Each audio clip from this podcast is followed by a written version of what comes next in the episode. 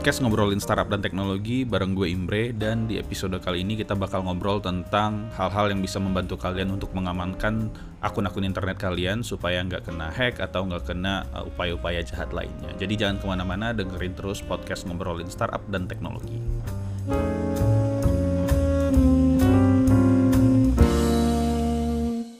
Podcast ngobrolin startup dan teknologi dan di episode kali ini gue udah kedatangan Satria Adi Pradana, salah satu teman kuliah gue dulu uh, dan yang sekarang dia udah jadi security uh, konsultan. Jadi sebelum kita ngobrol lebih jauh sama Satria tentang praktis-praktis di security, gimana caranya hacker mungkin berpikir, uh, mungkin kita kenalan dulu sama Satria. Halo Sat, apa kabar? Halo, halo Indra. Gimana nih ke kegiatannya selama karantina kayak sekarang? Ya sebenarnya nggak ada banyak yang berubah sih, soalnya kebanyakan remote juga sih. oh jadi lo uh, day to day pun sebelum karantina ini juga udah remote? Ya. Lo ya, remote dari? Remote dari kosan. Oh di jadi, Jakarta? Jakarta. Oh, Oke, okay. dan kantor lo ada di Jakarta juga? Ah. Oh enak juga ya berarti ya? Iya, jadi selama aplikasinya bisa diakses di publik sih, kita bisa untuk remote. Oke. Okay. Karena memang memang lebih efektif juga. Kita nggak perlu apa ke klien untuk misalnya troubleshooting bla bla kalau misalnya aplikasinya memang bisa di publik ya udah everyone happy. Oke oke oke. Nah kalau boleh cerita lu keseharian lu sebagai apa sih saat kerjanya ngapain dan gimana akhirnya lu bisa terjun di dunia security? Oke, okay. itu dia sebagai seorang cyber security consultant. Jadi memang lebih ke arah pentest sih. Kalau okay. pentest itu lebih kalau bahasa simpelnya adalah kita coba bisa nggak sih suatu aplikasi atau suatu sistem itu dijebol? Kalau misalnya bisa dijebol itu dari mana atau bagaimana kemudian e, cara untuk memperbaikinya itu seperti apa. Nah itu dari sisi kita mencoba untuk memberikan pendampingan bagaimana klien itu bisa improve dari sisi security. Sebenarnya nggak okay. hanya nggak hanya dari sisi teknis sih kita juga kadang uh, suka apa bantu-bantu dari sisi security awareness. Jadi memang lain dengan ini sih. Jadi awareness itu bagaimana kita uh, ngasih pemahaman security ke karyawan atau mungkin orang-orang yang pengambilan keputusan decision making itu terkait security itu seperti apa atau mungkin bisa juga uh, ketika di tahap development aplikasi kita juga bisa kasih uh, apa sekedar ngasih masukan kalau misalnya nge, nge yang secure itu seperti apa. Oke okay, oke okay, oke. Okay.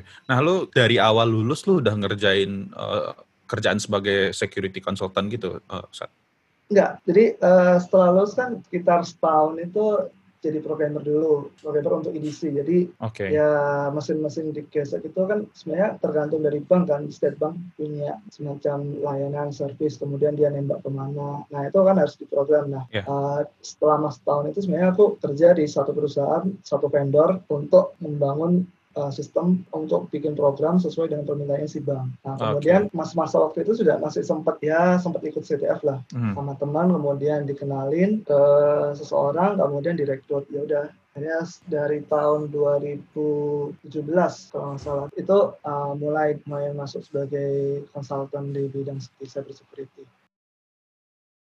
Oke. Okay. Ya. Nah, sekarang uh, eh, gue pengen masuk ke topik bahasan utama kita saat. Jadi sebenarnya hmm. kenapa gue ngajakin lo buat ngobrolin ini adalah tentang beberapa waktu yang lalu itu ada kejadian di mana uh, di Twitter lagi rame-ramenya kayak ya. seorang yeah. pemuda ditangkap karena dia itu uh, diduga menyebarkan hoax dan hmm. ternyata si pemuda itu bilang kalau sebenarnya akun WhatsApp-nya dihack. Nah, Ah. Menurut lu uh, dari pengalaman lu hal-hal kayak gini memungkinkan nggak sih? Karena kan pada dasarnya si WhatsApp pun udah punya sistem security ya. yang juga nggak kalah canggih. Menurut lu hal apa sih yang membuat kejadian kayak gini bisa terjadi? Sebenarnya ada banyak banyak faktor sih ya. Kita belum belum bisa menyimpul, menyimpulkan kalau misalnya hasil investigasi resminya belum keluar. Uh-huh.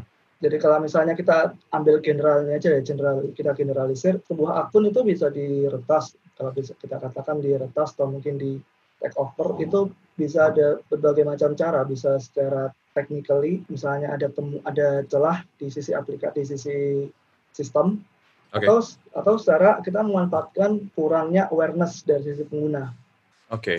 Misalnya dari sisi pengguna itu dia kalau misalnya pernah dengar ada yang namanya social engineering untuk mm-hmm. pura-pura uh, ngasih something, makan sesuatu atau apa yang berujung ternyata dia mengirimkan payload atau mengirimkan malware sehingga bisa take over device atau mungkin bisa take over akun ya itu satu dari sekian faktor. Kalau nah, dari pengalaman lu yang paling sering kejadian itu yang bentukannya seperti apa sih, Sat? Oke, okay. kalau yang dari sepengalamanku ya, atau mungkin bukan dari pengalamanku aja, dari beberapa rekan juga. Jadi masih banyak orang tuh dari sisi password ya, kan password itu kan sangat-sangat penting ya untuk untuk bisa masuk ke suatu akun pasti akan ditanyakan dengan password kan.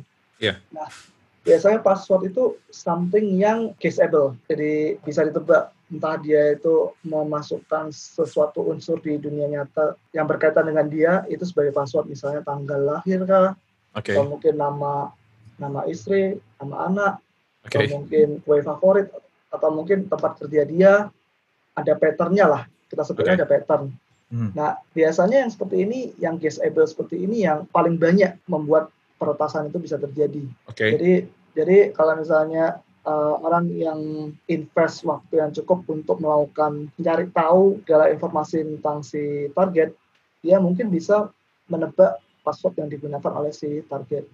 Oh, Karena jadi memang, maksudnya ini ya orang-orang itu dia sampai nyari tahu dia tinggal di mana, iya. anaknya ya, namanya siapa, kayak gitu benar. ya? Iya. Okay. Dan memang untuk saat ini zaman sekarang itu untuk mengetahui itu sudah lebih gampang. Jadi uh, ada satu field namanya OSINT, Open Source Intelligence di di dunia security di mana uh, kita bisa mengumpulkan informasi dari sumber-sumber yang open. Jadi kayak misalnya uh, yang memang sukarela dikasih tahu oleh si orang atau mungkin orang-orang yang berkaitan dengan si target. Ya misalnya dia kerja di mana, kemudian dia dia meng-share suatu informasi apa itu kadang di di record juga di monitor ketika kita memang mentargetkan seseorang. Oh, I see. Gue baru dengar ada istilah OSIN ya tadi, ya, Open Source yeah. Information. Intelligence. Oh, intelligence. Oke. Okay. Yeah. Dan itu yang ngumpul yang ngasih-ngasih datanya siapa sih, Sat? Jadi ada ada beberapa tools yang memang di, dikembangkan untuk melakukan open source intelligence ini. Kita bisa mengumpulkan kita bisa nge-crawl data dari Twitter, dari sosial media semua lah. dari see. Twitter, Twitter, Facebook, atau mungkin dari LinkedIn, atau mungkin dari sumber-sumber yang lain. Memang yang memang data itu tersedia secara open. Oke, oke, oke, oke, oke. Jadi uh, ini ya, maksudnya kalau kita nulis biodata di Twitter atau ngupload-ngupload foto keluarga dan segala macam itu pun kita harus hati-hati juga ya. Ya, kalau misalnya ada orang yang mau berbuat jahat sih itu bisa menjadi salah satu uh, informasi yang bisa digunakan untuk melakukan kejahatan. Nah, kayak misalnya dari mana sih orang tahu? Eh, misalnya ada ada ini penipuan yang mama minta pulsa tapi lebih advance di mana dia sampai bisa tahu bahwa dia bisa sampai tahu nama anak, nama siapa yang jadi target, kemudian berusaha untuk mengatakan kepada target bahwa ada something yang harus segera diselesaikan terhadap yeah. misalnya kerabat atau apa. Nah itu sebenarnya ya dia dia melakukan information gathering terlebih dahulu tentang si target pastinya. Oke oke oke oke. Kalau yang advance seperti itu ya. Ya ya, ya. gue pernah ke, uh, nemu juga tuh kasus pan, lebih ke penipuan sih, tapi bukan yeah. lebih ke IT security ya, kayak uh -uh. dia nyuruh uh, matiin dulu HP-nya, matiin dulu HP-nya, gini gini gini gini. Terus yeah. ternyata si korbannya matiin HP pada saat oh ya bersamaan dia menghubungi keluarganya bilang kalau si ini terjadi kecelakaan atau apa dan ketika ditelepon orangnya juga nggak bisa ngangkat ya akhirnya keluarganya juga percaya ya. Iya. Oke oke oke oke. Iya. Nah, uh, balik lagi ke tentang password saat menurut lo hmm. uh, password password itu caranya sebaiknya best practice-nya kayak gimana uh, password seperti apa yang harus kita miliki akun internet kan sekarang banyak banget yeah. Uh, gue pernah dengar kayak uh, jangan samain semua password untuk semua account dan menurut gue nggak ah. manageable banget untuk ngafalin sebanyak itu ah. account kalau dari uh, lo praktisnya kayak gimana Oke, jadi sebenarnya ada beberapa standar sih kalau misalnya kita mau ya, sebenarnya kalau password itu ada beberapa saran. Bisa dimulai dari seberapa panjang password itu. Ada apa? Ada panjang minimalnya. Yang disarankan tuh 8 ke atas. Terus dia nggak mengandung unsur apa pun yang berkaitan dengan informasi pribadi ataupun kerjaan. Misalnya nggak ada nama diri, nggak ada uh, nama pasangan, nggak ada nama anak, nggak ada tanggal lahir, nggak ada tempat bekerja sekarang. Jadi okay. pure di luar itu. Okay. Terus uh, sebisa mungkin dia ada kombinasi antara huruf, uh, huruf huruf besar huruf kecil angka dan simbol yang random. Minimal ada ada satu dari sekian, ada satu dari setiap kategori itu. Oke. Okay. Yang lebih yang lebih banyak, lebih baik lagi kalau misalnya kata-kata itu apa ya bisa kita bilang kata-kata itu random tapi bukan bukan beneran random mencet huruf random gitu enggak tapi kata-kata yang mungkin enggak enggak kepikirkan misalnya kambing guling misalnya kepikiran enggak kalau aku akan menggunakan kambing guling sebagai password. Oke okay, oke. Okay. Oke okay, jadi jadi something yang yang easy to remember tapi unguessable dan itu bukan sesuatu yang terkait dengan kita. I see. Nah, ada saran juga kalau misalnya uh, setiap service itu dibedakan passwordnya. Mm-hmm. Nah mungkin ini agak memberatkan ya yeah. di setiap orang gitu untuk menghafal password. Nah ini opsinya sih bisa kalau misalnya memang mau mau melakukan hal itu opsinya bisa untuk menggunakan password manager. Oke. Okay. Entah itu uh, LastPass kah, KeePass dan sebagainya ada banyak sih password manager. Yeah yang kita cuma tinggal menghafalkan satu master password, nanti dia akan generate password. Yeah, Kalau iya. misalnya nggak mau, kita bisa coba generate sendiri, misalnya tadi kambing guling ya. Hmm. Itu kita jadikan itu sebagai patokan master. Kemudian untuk service yang berbeda kita ambil kata-kata yang yang setidaknya berkaitan dengan service itu. Misalnya uh, untuk login Facebook, untuk login akun sosial media gitu, Twitter atau apa pun kita tinggal tambahkan sesuatu yang yang unik tapi tetap mudah diingat misalnya tambahkan angka yang berbeda kalau misalnya Twitter itu satu atau mungkin tambahin kata burung karena ya, misalnya kan kayak kambing guling Twitter kambing guling Facebook kayak kayak gitu ya iya okay.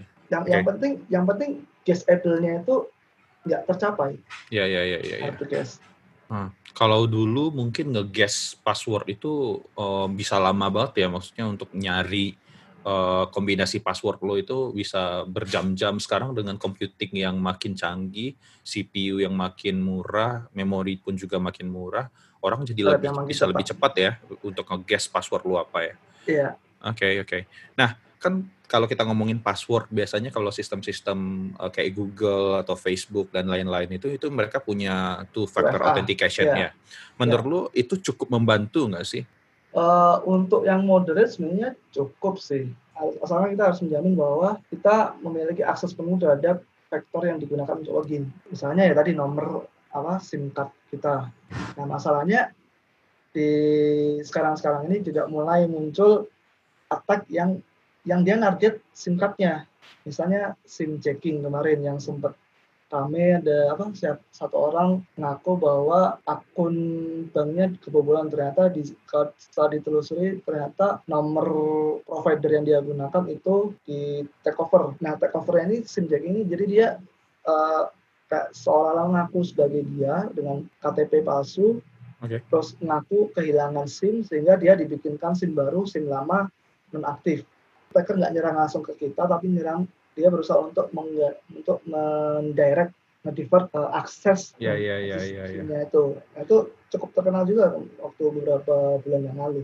Berarti OTP juga kayak gitu ya? Sama mirip-mirip nggak sih? Iya. Oke berarti kalau seandainya gue nggak tahu apakah ini mungkin mungkin nggak ya kayak uh, orang itu bisa nge-intercept message uh, eh, SMS yang masuk ke nomor tertentu dan kemudian katakanlah gue punya sebuah akun yang risetnya lewat OTP SMS gua uh, dia karena tahu email gue dia ngeriset terus habis itu uh, dikirimin SMS ternyata SMS-nya itu udah diintercept juga sama dia itu memungkinkan juga nggak sih?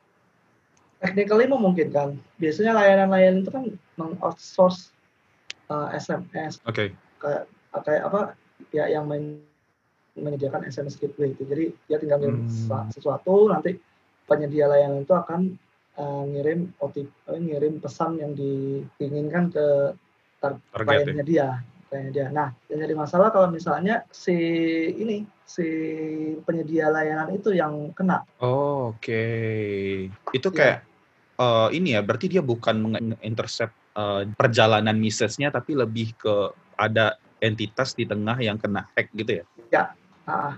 oke okay. Berarti itu, kalau kayak gitu itu lebih fatal dong ketimbang dia nge-intercept satu message atau satu target doang. Ya, itu uh, sebenarnya sempat kejadian sih. Oke. Okay. Aku nggak bisa yeah, iya. disclose yeah. Uh, detailnya, aku cuma denger sih dari teman waktu itu ada sharing.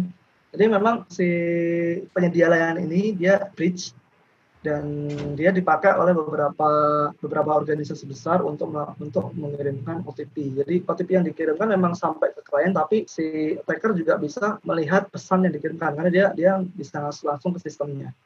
Berarti semakin banyak entitas yang ada di tengah-tengah itu berarti uh, peluang dia untuk klik itu jadi lebih gede ya?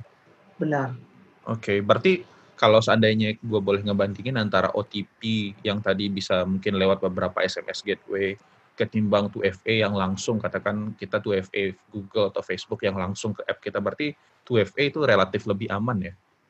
Ya, relatif lebih aman. Apalagi kalau misalnya kita pakai semacam kayak ada hard token yang kita daftarkan, nah itu seharusnya lebih aman daripada something yang dikirimkan ke kita. Jadi lebih lebih aman lebih aman kalau misalnya kita menggenerate sesuatu untuk membuktikan kita uh, orang yang benar, orang yang valid daripada mengirimkan hmm. balik sesuatu yang dikirimkan oleh si service itu.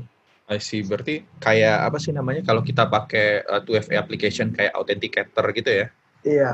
Oh, I see. Berarti itu lebih aman. Jadi uh, saran untuk semuanya kalau seandainya kalian pengen nge-secure application kalian, pastikan pakai aplikasi 2FA kayak Authenticator atau Auti. Gue nggak tahu ada banyak lah di luar sana. Ya. Oke, oke, oke. Nah, pertanyaan terakhir saat uh, tadi kita hmm. sempat ngebahas juga tentang social engineering. Uh, kita sama-sama tahu bahwa sebenarnya celah security yang paling besar itu adalah manusianya itu sendiri. Ya. Yeah. Nah, menurut lu uh, kiat-kiat apa aja yang bisa kita lakukan supaya kita terhindar dari aktivitas yang namanya kayak social engineering di mana kita kena tipu untuk mendapatkan akun-akun kita. Menurut lo gimana? Apa aja yang harus dilakuin? Sebenarnya lebih bersikap waspada sih. Oke. Okay. Nggak nggak harus paranoid tapi lebih bersikap waspada kayak prinsipnya kalau something too good atau something too bad uh, ini pasti sesuatu nggak sesuatu yang nggak beres. Okay. Kalau misalnya ya kalau misalnya yang paling gampang kita tiba-tiba dapat SMS bahwa menang hadiah menang undian bla bla harus dikasih informasi kita harus curiga kalau itu ada yang nggak beres kalau misalnya something too good uh, kalau kita ada dapat berita atau apa harus stop kalem harus stop jangan terbawa emosi harus stop mikir ini benar nggak sih benar nggak sih dan istilahnya jangan sampai jangan sampai mau diarahkan oleh seseorang untuk bertindak yang diinginkan oleh orang itu. Oke. Okay. Oke. Okay. Oke. Okay. Contoh-contohnya apa apa aja saat yang biasanya diinginkan oleh orang itu mungkin kayak uh, dapat email terus ngeklik link yang kayaknya ya. legit kayak kita padahal sebenarnya ya. enggak ya. Ah. Okay. Ya, sampai kayak gitu. Jadi sebenarnya kalau misalnya mau buka-bukaan ya, ini ada kita beberapa kali pernah melakukan yang namanya security awareness program. Oke. Okay. Jadi itu ada beberapa macam untuk me menguji seberapa jauh awareness dari seseorang atau mungkin sekelompok orang di klien-klien kita. Nah, cara yang paling mudah itu sebenarnya ya kita coba kirimkan uh, email palsu, phishing, mengatasnamakan dari suatu institusi mana gitu. Misalnya hmm. dari e-commerce atau mungkin dari Gojek atau apa gitu. Misalnya contohnya ya, akunnya ada indikasi kena hack, kemudian kita disuruh untuk verifikasi. Atau mungkin kita dapat promo dari service mana gitu. Atau mungkin yang yang yang berkaitan dengan si institusi dia misalnya kita coba coba dari misalnya ada ada ada promo khusus untuk karyawan gitu. Yeah, itu yeah. Da, dari itu phishing email dari kita spam. Kita coba melihat dari mereka apakah mereka cukup aware apa enggak. Biasanya kalau institusi besar dia itu punya SOP kalau okay. misalnya nerima email yang mencurigakan mereka harus uh, gimana ngelapor ke siapa gitu. Nah itu yang biasa kita coba uji. Selain email juga bisa lewat SMS. Ada beberapa, ada satu lagi cara yang, yang sebenarnya cukup cukup unik. Mhm. Misalnya gini, kita sebar, kita punya uh, misalnya ada 10 flash disk lah, okay. 10 flash disk dalam tanda kutip. Nah flash disk ini kita sebar di kantor kantornya klien, entah itu dijatuhkan di jalan atau mungkin di toilet, di ruang tunggu, di mana gitu. Nah, pasti kan kalau orang nemu flash disk, apa yang kepikiran? Apa nih isinya gitu ya?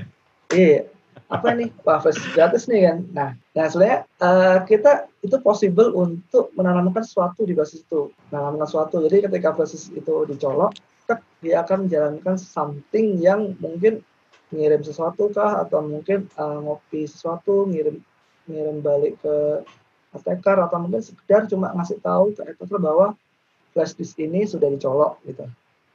Oke, okay, oke. Okay. Berarti kita harus hati-hati banget ya. Jadi nggak bisa sembarangan ya. Iya. Oke, okay, gue baru tahu ada strategi yang flash di situ dan itu menarik juga ya. Okay. Iya. Jadi ya mungkin bisa dikatakan kalau terlalu bagus itu kita harus waspada. kalau terlalu yeah. Iya. terlalu pokoknya kondisi ekstrim itu harus harus kita waspadai. Iya, iya. Kalau ada yang bilang tiba-tiba lu dapat uang 1 M atau tiba-tiba dibilang lu jatuh miskin, nah itu kan too good atau too bad ah, juga. Jadi waspada iya. ya. Oke. Okay. Iya. Atau mungkin kayak, kayak penipuan oh, saudara kita ada yang kena kecelakaan kah, ditangkap polisi kah atau apa itu kan uh, modus operandi yang umum tuh. Oke. Okay. Nah, itu kita harus konfirmasi dulu nih. Terus okay. kita harus coba periksa ini benar apa enggak. Mm -hmm kuncinya emang di semua kondisi itu harus tetap tenang ya tetap yeah. tenang supaya bisa berpikir jernih dan kemudian setelah itu baru mutusin mau ngelakuin yeah. apa apakah mau cek informasi atau ambil yeah. kesimpulan tertentu oke okay. yeah. karena memang social engineering ini mainnya main psikologis sih kalau misalnya udah dia udah jago atau apa uh, dia berusaha untuk mainkan emosi hmm I see jadi ada, ada ah, ada ada ini juga aku mau share juga. Jadi sebenarnya ada dari mana ya? Ada suatu video dari US itu ceritanya ada seorang jurnalis yang mau membuktikan bahwa seberapa berbahaya sih si social engineering itu. Nah dia si kebetulan si apa si konsultannya ini seorang cewek dia mengatakan bahwa dia akan mencoba untuk menghijack akun banknya si si jurnalis ini si cowok dalam yang nggak sampai satu jam. Dan okay. itu dilakukan di hadapannya dia. Caranya adalah si cewek ini nelpon ke customer service-nya si tadi si aku lupa layanan apa pokoknya dia satu layanan lah entah itu bank atau entah itu telepon atau apa gitu. Okay. dia telepon ke customer service-nya terus dia ngeplay rekaman bayi nangis dari YouTube. Kemudian dia ngaku bahwa berpura-pura bahwa dia istrinya si jurnalis itu si si korban. Dalam kondisi hektik di mana ya anaknya nangis lah atau apa dia berusaha apa harus dia butuh akses ke layanan itu entah akun bank itu tapi pinnya lupa atau atau gimana aku lupa uh, apa yang dia layanan apa itu. Pokoknya dia berusaha meyakinkan customer service-nya sampai akhirnya dia dia percaya bahwa si itu udah suami itu istrinya benar, ya? benar, beneran istrinya dia dan dia dapetin akses ke sana. Dan dari situ dia bisa dapet akses ke mana aja I see. Berarti ini yang jadi target sebenarnya adalah uh, banknya ya, tapi secara nggak langsung target si jurnalis tadi. Iya. I see. Jadi seberapa berbahayanya si social engineering ini, ya dia bisa target ke kita ataupun orang terkait dengan kita. Hmm, oke. Okay. Oke, okay, oke, okay. Berarti semua anggota keluarga kita pun harus dieducate ya kalau seandainya ada kejadian yeah. uh, seperti ini harus bersikap seperti apa, jangan gegabah atau jangan langsung percaya. Iya. Oke menarik banget. Oke, okay. uh, eh, gue nggak punya pertanyaan lagi saat uh, thank you banget. Mudah-mudahan apa yang kita obrolin uh, hari ini bisa bermanfaat untuk semua orang, bisa menambah awareness orang terhadap seberapa pentingnya cyber security itu untuk melindungi akun pribadi supaya yeah. kalau seandainya ada apa-apa kita nggak uh, kena impact buruknya juga kayak yeah. kemarin malah jadi dituduh menyebarkan hoax dan segala macam dan ya mudah-mudahan semua orang bisa teredukasi lah dengan episode yeah. ini. Makasih banyak saat udah ngobrol bareng gue. Uh, mudah-mudahan okay. nanti kita punya kesempatan lagi. Dari gue itu aja teman-teman. Uh, semoga bermanfaat. Kalau seandainya kalian punya masukan atau kritikan, feedback dan saran tentang siapa yang mau gue ajak ngobrol ke depannya, silahkan kasih tahu gue di Twitter at Nagi dan gue juga udah bikin Instagram podcast ngobrolin startup dan teknologi ada di at ngobrolin underscore startup. Jadi jangan lupa follow, silahkan tinggalin komen juga dan lain-lain. Dari gue itu aja. Makasih semuanya udah dengerin. Wabillahi taufik wal hidayah. Assalamualaikum warahmatullahi wabarakatuh. Waalaikumsalam.